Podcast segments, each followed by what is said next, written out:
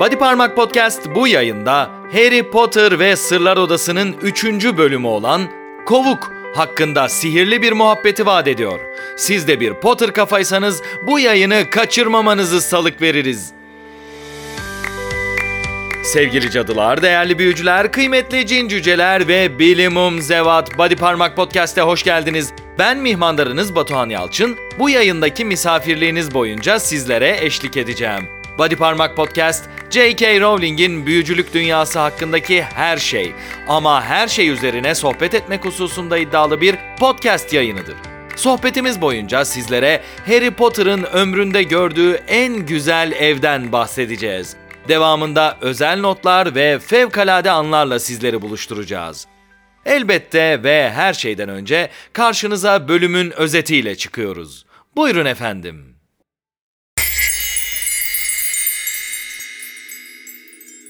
Harry Potter ve Sırlar Odası 3.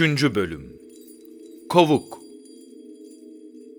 Ron, Fred ve George Weasley kardeşler babalarının uçan arabasıyla Harry Potter'ı Privet Drive'dan kaçırırlar ve Weasley ailesinin Kovuk adlı evine getirirler.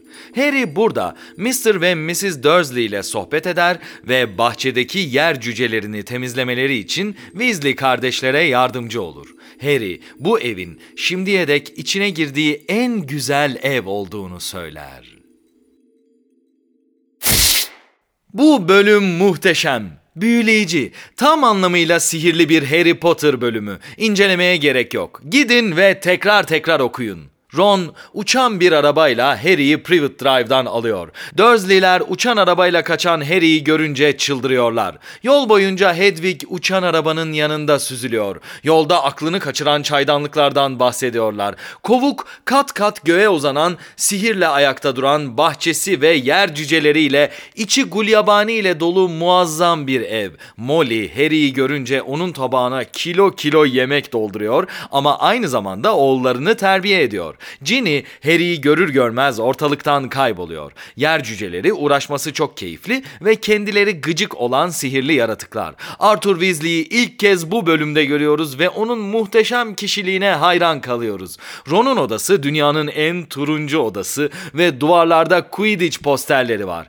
Harry de biz de Kovuk adlı bu eve bayılıyoruz. Hala bu saçma incelemeyi mi dinliyorsunuz yoksa? Dedim ya bu bölüm sihirli gidin ve okuyun. Sonra tekrar okuyun. Bir de Jim Kay'in muhteşem resimli özel baskısından okuyun ve sonra gelin. Biz sizi burada bekliyor olacağız. Eh, okuyanlar için söylüyorum. Arzu ederseniz parşömenlerimize şöyle bir uzanalım ve sizi bu bölüme dair bilinmeyenlerle ve özel notlarla baş başa bırakalım. Buyurun kütüphaneye.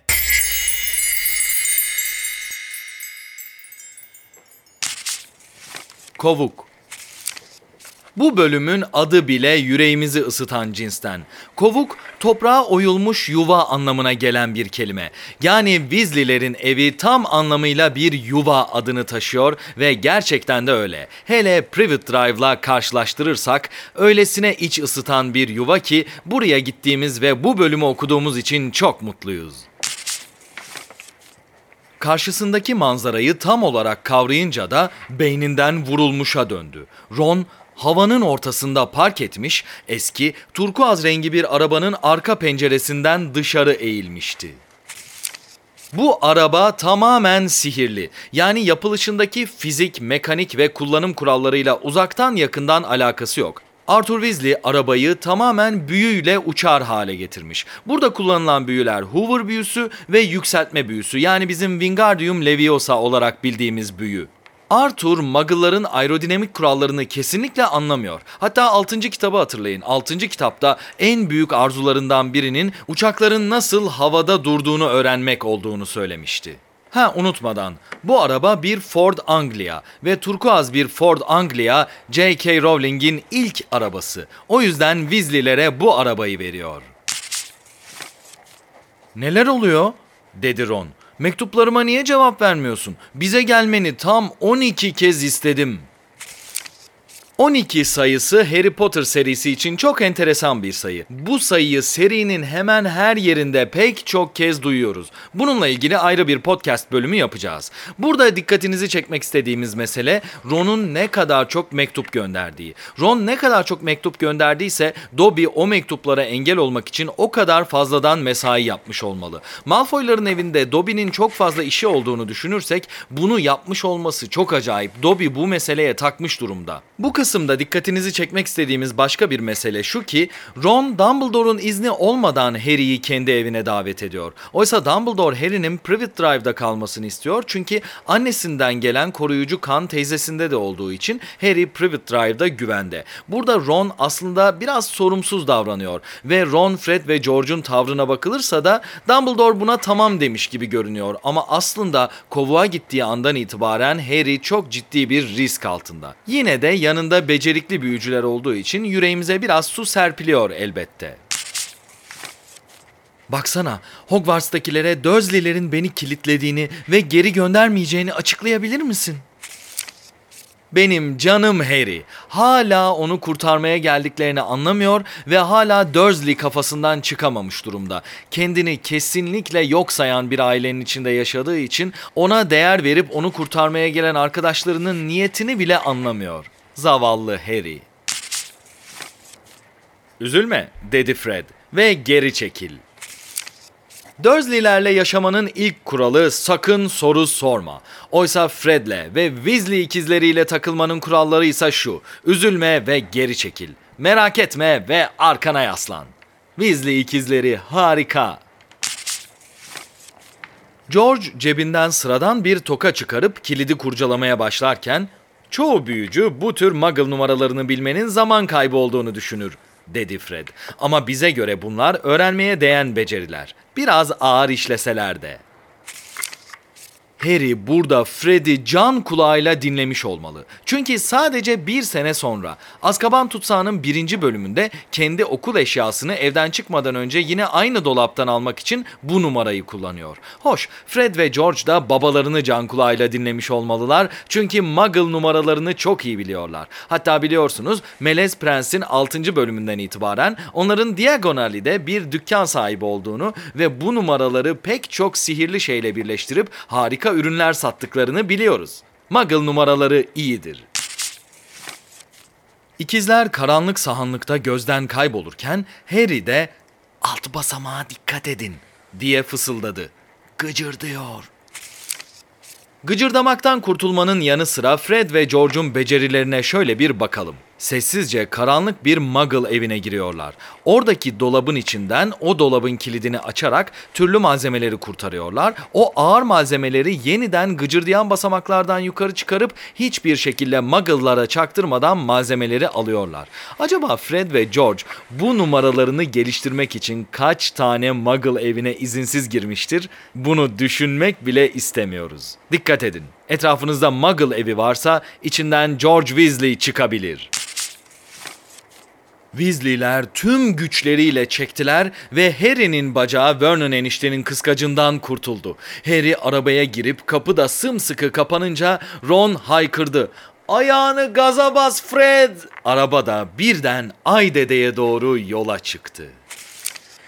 Az önce söylemiştik. Bu araba tamamen sihirli biçimde çalışıyor. Yani buradaki pedallar hiçbir şekilde gerçek görevlerinde kullanılmıyor. Arthur Weasley onların kullanışını çözememiş ve muhtemelen işine geldiği gibi büyülemiş olmalı. Gaza basınca araç havalanıyor. Muhteşem. Eh dedi Fred. Şöyle diyelim, ev cinlerinin kendi güçlü sihirleri vardır. Ama çoğu kez efendilerinin izni olmadan bunu kullanamazlar. Söz konusu Dobby olduğunda bu durum başkalaşıyor. Dobby Harry Potter'ı korumak için öyle büyük bir çaba sarf ediyor ki tüm büyülü gücünü Harry Potter için kullanıyor, efendilerine karşı geliyor ve bu yüzden sürekli kendini cezalandırıyor. George arkaya dönerek "Draco Malfoy mu?" dedi. Lucius Malfoy'un oğlu değil ya. Fred ve George burada Draco Malfoy'un varlığından ilk kez haberdar oluyormuş gibi görünüyor. Ancak Potter evrenine baktığımızda bu gayet normal bir şey. Hogwarts'taki pek çok çocuk alt ya da üst sınıflarını aslında çok iyi tanımıyorlar. Hatırlayın Harry ve Ron 3. yıllarında onlardan daha alt sınıftaki öğrencilerin pek çoğundan haberdar değildiler. Hatta Dumbledore'un ordusunu kurdukları 5. senede Ron oradaki üyelerin hiçbirini tanımıyordu. Hermione Michael Corner'ın kim olduğunu ona anlatmak için bayağı bir çabalamıştı. Yani bu durum gayet normal. Babam ondan söz ederken duydum. Kim olduğunu bilirsin senin en sıkı destekçilerinden biriymiş. Harry'e bakmak için boynunu uzatan Fred ve kim olduğunu bilirsin sen yok olunca dedi. Lucius Malfoy geri gelip hiç de böyle bir şey kastetmediğini söyledi. Palavra'nın daniskası. Babam onun kim olduğunu bilirsin senin en yakınlarından biri olduğunu düşünüyor. Arthur Weasley fena halde haklı. Onun ne kadar haklı olduğunu ve Lucius Malfoy'un daima Voldemort'a sadık ve yakın olduğunu Ateş Kadehi'nin 33. bölümünden itibaren acı deneyimlerle göreceğiz. George, evet dedi. Annem hep ütü yapsın diye bir evcini ister. Ama bizim sadece tavan arasında berbat, yaşlı bir gulyabanimizle bahçeye yayılmış yer cücelerimiz var. Ev cinleri büyük malikanelerde, şatolarda ve böyle yerlerde bulunur. Bizim evde cine rastlamazsın.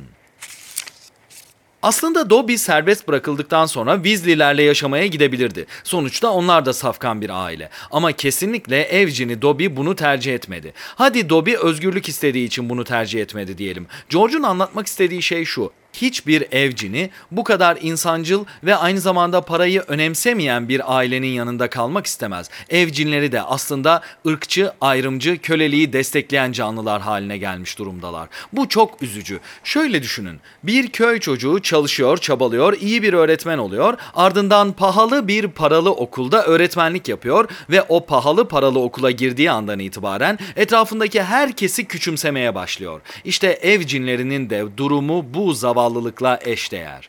Maalesef insanlar ve evcinleri ve pek çok yaratık hala birbirlerine dair ayrımcı düşünceler besliyorlar. Yazık.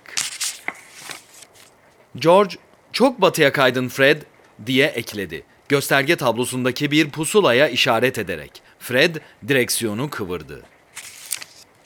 Coğrafi olarak bu enteresan bir şey. Zaten Kovuk, Surrey denen yerin güneybatısında. Yani Fred'in yapmış olabileceği tek şey Ottery Catchpole adlı gitmeleri gereken yerin daha da batısına kaymak. Demek ki direksiyonu fazla kıvırdı. Yine de o tarafa gidiyor olması ilginç. Burada pusulayla ilgili enteresan bir mesele daha var. Galiba Arthur Weasley aracı büyülediği zaman GPS benzeri bir pusulayı araçtaki göstergelerden biriyle değiştirmiş ya da onu öyle görünecek şekilde büyülemiş gelmiş. Bu sayede uçan araba yerini yönünü daha rahat buluyor.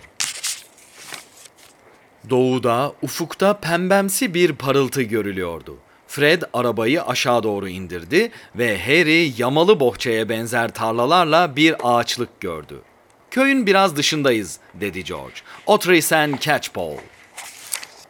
Elbette Britanya'da Ottery Catchpole adında bir Muggle köyü yok. Ottery kelimesi buradaki Exeter yakınlarındaki Devon'da bulunan Otter nehrine referans veriyor. Ayrıca ilginç olan şey şu ki Otter Nehri'ne yakın bir noktada Ottery St. Catherine adında bir kasaba var. Rowling bu adı buradan devşirmiş olmalı. Rowling'in Exeter'de okuduğunu düşünecek olursak bu yöreye hayli hakim olduğunu anlayabiliriz. Yani Otrisen Catchpole, Muggle'ların bilmediği, Exeter'de ve Rowling'in okuduğu yerlerde bulunan bir büyücü köyü. Rowling pek çok yerde daha bu nevi coğrafya bilgisini konuşturuyor. Bu noktada Davon haritasına bakarak Fred'in fazla batıya kaymış olması meselesini tekrar değerlendirebiliriz. Aslında Fred erken uyanan Muggle'lara görünmemek için onların köyüne yakın Muggle kasabasının üstünden giderken direksiyonu biraz fazla batıya kaydırmış olabilir. Yani belki de Fred bunu bilerek yapmıştır. Zeki çocuk sonuçta. Uçan araba daha daha da aşağı indi. Artık parlak kırmızı bir güneşin ucu ağaçlar arasından parıldamaya başlamıştı. Sobe, dedi Fred hafif bir sarsıntıyla yere çarptıklarında. Küçük bir bahçede viran bir garajın yanına inmişlerdi. Harry, Ron'un evini ilk kez gördü. Hadi şimdiden Private Drive 4 numarayla Kovuk adlı bu evi karşılaştırmaya başlayalım. Gece ile gündüz kadar farklılar. Evet Private Drive uzaktan nizami, düzgün, bahçeleriyle, yollarıyla, çatısıyla harika tasarlanmış gibi görünüyor. Ancak içinde hayat yok. Ve içindeki hayatın olmayışı aslında bu düzgünmüş gibi görünen yapıdan da kendini belli ediyor. Bunun aksine kovuk yamuk yumuk yapısıyla, dağınık bahçesiyle, yer cüceleriyle ve günün evin üstüne doğmasıyla Harry'nin duygu dünyasında ve psikolojisinde tam yaşanacak yer anlamı taşıyor. 10 yıldan fazla bir süre boyunca Harry Potter'ın çaresizce Private Drive denen bu tırnak içindeki harika yerde çektiklerini düşünecek olursak kovuk Harry'e ilaç gibi geliyor. Giriş yakınında yere saplanmış, bir tarafı eğrilmiş bir tabelada kovuk yazılıydı. J.K. Rowling'in Exeter ve Devon çevresindeki coğrafi bilgisini konuşturduğu bir nokta daha.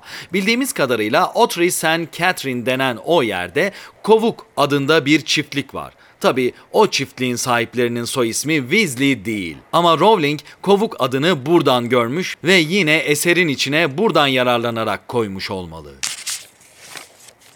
Arabadan indiler.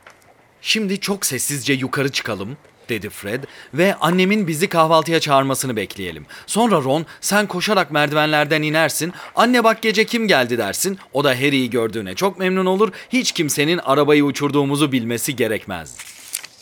J.K. Rowling karakter yazmakta büyük bir usta. Bunu daha önceki bölümlerde pek çok kez dile getirdik. Her ne kadar karşımızdaki kişi Fred Weasley gibi zeki bir çocuk olsa da o henüz 14 yaşında. Yani annesini kandırmaya çalışırken biraz fazla iyi niyetli bir plan kuruyor. Çünkü yaşı bunu gerektiriyor. Nihayetinde bu iyi niyetli plan az sonra duvara çarpacak ve Molly onlar daha eve girmeden onları yakalayacak. Rowling karakter gelişimini çok iyi ifade eden bir yazar.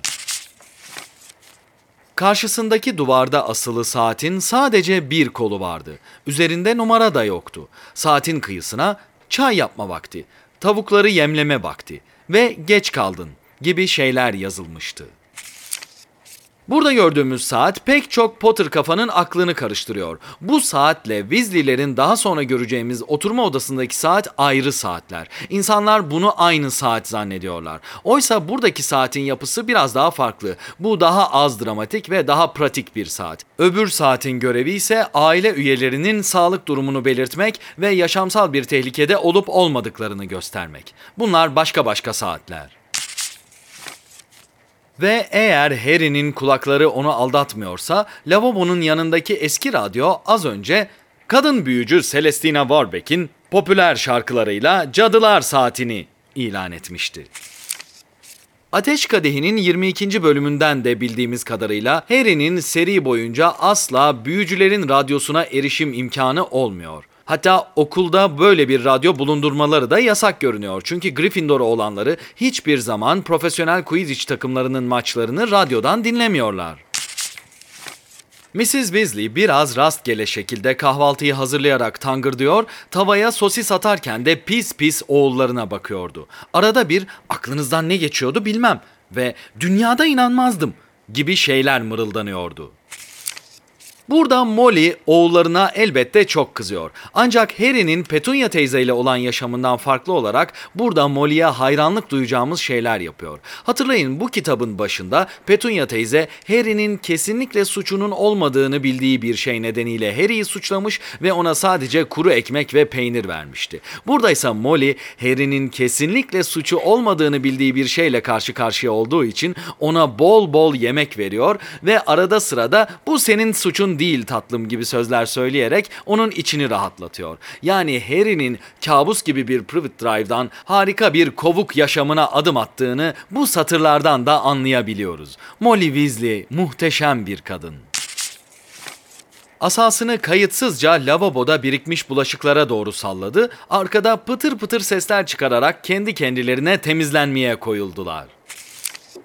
Burada bir kez daha asasız sihir kullanımı görüyoruz. Zira Molly herhangi bir büyülü sözcük mırıldanmıyor ve asasını sallamasıyla bulaşıkların yıkanmasını sağlıyor. Burada sessiz biçimde icra edilen temizleme büyüsü daha sonra seri içinde karşılaşacağımız Scourgify biçimli büyünün sözsüz hali.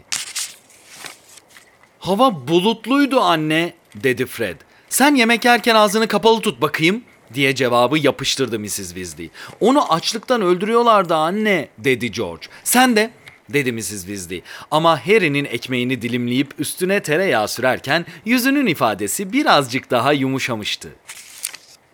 Molly'nin anne yüreği Harry'e hiç kıyamıyor. Privet Drive'da aç bırakılmış olan Harry'i kendi elleriyle beslediğini fark edince bundan ufak bir gurur duyuyor ve bizim içimizde yine çiçekler açıyor. Tam o sırada ön kapı çarpıldı. Geri döndü dedi George. Babam geldi. Aslında Ateş Kadehi'nden ve Zümrüt Anka yoldaşlığından bildiğimiz kadarıyla Mr. Weasley evinden işe, işinden eve cisimlenirken doğrudan mekanın içinden gidip geliyor. Fakat sabahın erken saatleri olduğu için burada bahçeye cisimlenmiş olsa gerek. Çünkü karısı Molly'nin erken saatte kalktığını biliyor ve birdenbire mutfağın içine cisimlendiğinde orada birilerine çarpma riski taşıyor. Bu kazayı önlemek için bahçeye cisimlenmiş. Belki de sadece yoğun bir iş günü geçirdiğinden dolayı böyle yapmıştır. Bilemiyorum bilmiyoruz. Yine de birinci ihtimal daha yüksek ihtimal. Ayrıca Harry Potter ve Melez Prens adlı kitapta Dumbledore'un söylediğini hatırlayalım. Dumbledore her ne kadar cisimlenmek hızlı bir yöntemse de insanların evlerinin içine cisimlenmenin son derece kaba bir davranış olduğunu söylemişti. Mr. Weasley gözlüğünü çıkarmış, gözlerini de yummuş, mutfak iskemlesine yığılmıştı. Zayıf bir adamdı. Tepesi açılıyordu. Ama kalmış olan saçı tıpkı çocuklarınınki gibi kıpkızıldı. Tozlu ve dolaşmaktan eskimiş uzun yeşil bir cübbe giymişti. Burada gördüğümüz kadarıyla Mr. Weasley gözlük kullanan az sayıdaki büyücüden biri. Ama demek ki büyücüler hala bu karmaşık göz yapısını çözememiş olacaklar ki gözlük kullanıyorlar. Mr. Weasley'nin gözlük dışında elbette Muggle'a benzer bir yanı yok. Eprimiş, eskimiş de olsa harika cübbeleri, çılgın kıyafetleriyle Weasley ailesi tam bir büyücü ailesi. Ne gece ama diye mırıldandı. Hepsi etrafına oturmaya başlarken çaydanlığa uzanarak. Dokuz baskın, dokuz. Fred, George ve Ron'un Harry'i Privet Drive'dan kurtardığı tarih 4 Ağustos pazar gecesini 5 Ağustos pazartesi sabahına bağlayan vakit. Bu kurtarma sırasında Weasley veletleri büyük ihtimalle babaları Arthur'un bu yoğun iş gecesini avantaj olarak kullanmışa benziyorlar. Yoksa Arthur arabanın gittiğini hemen anlardı. Mr. Weasley koca bir yudum çay aldı ve içini çekti. Bir şey bulabildin mi baba? diye sordu Fred hevesle.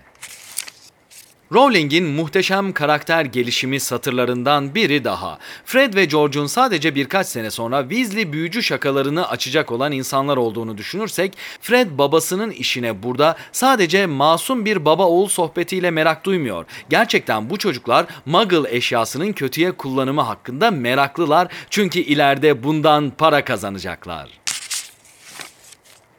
Bütün elime geçen birkaç tane çekip küçülmüş kapı anahtarıyla ısıran bir çaydanlık oldu diye esnedi Mr. Weasley.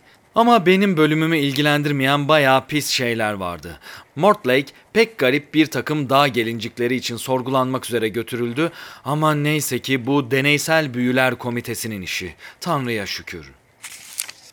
Bu komiteden Ateş Kadehi'nin 7. bölümünde yani Quidditch Dünya Kupası zamanlarında tekrar haberdar olacağız. Hatırlayın orada Harry, Hermione ve Weasley'ler kahvaltı için ateşin etrafına toplandıklarında Mr. Weasley kimi bakanlık üyeleriyle yine bu komiteden bahsediyor olacak. Evet Arthur, arabalar dedi Mrs. Weasley gözlerinden şimşekler saçarak. Düşün şimdi bir büyücü paslı eski bir araba alıyor, karısına bütün yapmak istediğinin arabayı parçalarına ayırarak nasıl çalıştığını görmek olduğunu söylüyor. Oysa aslında uçsun diye ona sihir yapıyor. Her ne kadar Molly Weasley buna çok kızsa da Arthur Weasley acayip becerikli bir adam. Sadece arabayı parçalarına ayırmıyor. Uçsun diye büyüledikten sonra arabanın parçalarını nizami biçimde yeniden toplayabiliyor. Gerçekten becerikli biri. Ama tabii Molly Weasley bunu asla takdir etmeyecek. Arthur Weasley o yasayı yazdığında bir boşluk olmasını sağladın diye bağırdı Mrs. Weasley. Burada enteresan bir şey var. Arthur Weasley Sihir Bakanlığı'nın ya da büyücü cemaatinin çok da önemsemediği yani değersiz gördükleri bir birimde çalışıyor. Yani Arthur Weasley çok da önemli biri değil. Peki buradaki yasayı yazma işi nasıl ona verildi dersiniz? Şöyle fikir yürütebiliriz. Bu bölümü o kadar önemsemiyorlar ki yasalarını da önemsemiyorlar ve bu bölümde iş yapan insanlar o yasaları yazsın geçsin diye düşünüyorlar. Eh Arthur Weasley de bundan faydalanmış. Fena mı? Ne dersiniz Slytherinler? Harry mi? Dedi Mr. Weasley boş boş. Harry kim? Etrafına baktı, Harry'i gördü, sıçradı. Ey tanrım, Harry Potter mı? Tanıştığımıza çok sevindim. Ron bize sizden o kadar çok bahset... Arthur Weasley nasıl harika bir adam. Harry Potter gibi ünlü bir figürü görüyor ve ne onun suratının ortasındaki yara izini ne de ünlü oluşunu önemsiyor. Onu sadece oğlunun en yakın arkadaşı olması üzerinden tanıyor ve harika bir selamlamayla onu karşılıyor. Çok tatlı adam. Üçüncü sahanlıkta bir kapı aralık duruyordu. Pat diye çarpılmadan önce Harry bir çift parlak kahverengi gözün ona dikilmiş bakışını yakaladı. Ginny, dedi Ron. Gebeşler tarafından yapıldığını her fırsatta söylediğimiz Harry Potter filmlerinde gördüğümüz saçmalıkların aksine Ginny kahverengi gözlü bir hanım. Eh, Hollywood'daki yaratıklara böyle önemli bir eseri emanet ederseniz işte böyle olur. Yani ileride Harry'nin tutkun olacağı gözler kahverengi gözler. Quidditch takımın mı? diye sordu Harry. Chudley gülleleri dedi Ron. Devasa büyüklükte iki siyah C harfi ve hızlanan bir top güllesinin arma olarak işlendiği turuncu yatak örtüsünü işaret ederek. Ligde dokuzuncu. The Chudley Cannons takımı hakkında tamamen bilgiye sahip değiliz. Fakat farklı kaynaklardan şu üç kişinin adını biliyoruz. Arayıcılarının adı Galvin Gudgeon, vurucularından biri Joey Jenkins ve teknik direktörünün adı Ragmar Dorkins. Ayrıca Chudley Cannonları o kadar da iyi bir takım değil. Lig 12 takımlı ve onlar ligde 9'uncular. Ama olsun Ronların oradan yerel bir takım. Bu takım ismini gerçekten de Exeter'de bulunan Chudley kasabasından alıyor. Bu kasaba Ottersen Catchpole adlı J.K. Rowling'in esere koyduğu büyücü köyünün hemen yakınlarında. Sırlar Odası'nın 3. bölümüne dair özel notlarımız bunlardı. Yayınımıza Fevkalade Anlar adını verdiğimiz sohbetimizle devam edeceğiz. Bu başlık altında incelenen bölümdeki en etkileyici anları, en ilgi çekici imgeleri yahut en duygusal kısımları incelemeye alıyoruz. Buyurun efendim.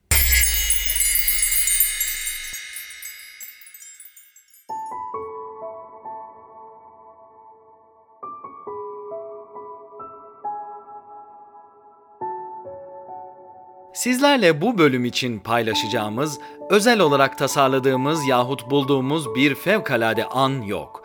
Çünkü bu bölümün tamamı koskocaman bir fevkalade an yahut fevkalade anlardan oluşan bir bölüm diyebiliriz. Harry Potter burada ömründe gördüğü en güzel evi gördüğünü söylüyor. Bu evin adı Kovuk. Tıpkı bölümün adının kovuk olduğu gibi. Gidiniz ve bu harika bölümü okuyunuz. Harry'nin ne demek istediğini anlayacaksınız. Çünkü hayattaki her şey para yahut maddi varlıklar demek değil. Evet Harry Privet Drive'da son derece düzgün, son derece zengin bir semtte yaşıyor ama o semtin içinde sevgi, bir aradalık ve ön yargılardan sıyrılmış birlikte yaşama isteği kesinlikle bulunmuyor. Kovuk, içindeki Weasley ailesi ve büyücü toplumunun Harry'nin bu sırada tanıştığı çevresi ise tamamen sevgi dolu, birbiriyle birlikte yaşamayı bilen insanlardan oluşuyor. Bu bölümün içinden tek bir fevkalade an sıyırmak son derece zor. Bu bölüm gerçekten her satırında, her paragrafında içimizi ısıtan bir bölüm. Dilerseniz biz sizinle sadece bölümün son kısmını paylaşalım ama siz bu yayından sonra gidiniz ve bu harika bölümü tekrar tekrar okuyunuz. İşte karşınızda Kovuk adlı bölümün son kısımları. Ron'un odasındayız. Ron'un okul büyük kitapları düzensiz bir şekilde bir köşeye yığılmıştı. Hemen yanlarında bir yığın çizgi roman vardı. Hepsi de çılgın Muggle Martin Miggs'in maceralarını anlatıyor gibiydi. Ron'un sihirli asası pencere pervazında saydam kurbağa yumurtalarıyla dolu bir akvaryumun üstünde duruyordu. Akvaryumun hemen yanında güneşli bir noktada şişman kurşuni fare Scabbers şekerleme yapıyordu. Harry yerde duran bir deste kendi kendini karıştıran iskambile bastı ve minik camdan dışarı baktı. Çok aşağıdaki tarlada Weasley'lerin çitinden içeri teker teker sinsi sinsi sızan bir yer cücesi çetesini görebiliyordu. Sonra ona adeta endişeli şekilde sanki yargısını beklermiş gibi bakan Ron'a döndü. Biraz küçük dedi Ron hemen. Muggle'ların yanındaki odan gibi değil ve tavan arasındaki gulyabani'nin hemen altındayım. Hep borulara vurup inilder. Ama Harry ağzı kulaklarında bu benim içine girdiğim en güzel ev dedi. Ron'un kulakları pes pembe kesildi.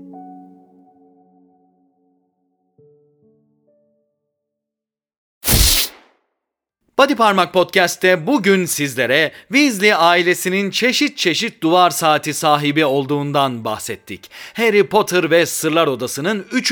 bölümü olan Kovuk üzerine söyleyeceklerimiz bundan ibaretti. Siz Potter kafalarda geride bıraktığınız yahut ileride kavuşacağınız evinizi düşlemek yerine tuttunuz bizi dinleme inceliği gösterdiniz. Sağ olun, var olun efendim. Bize daima bodyparmak.com adresinden ulaşabilirsiniz. Gelecek yayınlarımızda da Harry Potter ve büyücülük dünyası üzerine sihirli sohbetler etmeye devam edeceğiz. Tekrar görüşünceye dek hoşça kalın ve unutmayın. Hogwarts'ta isteyen herkese yardım edilir.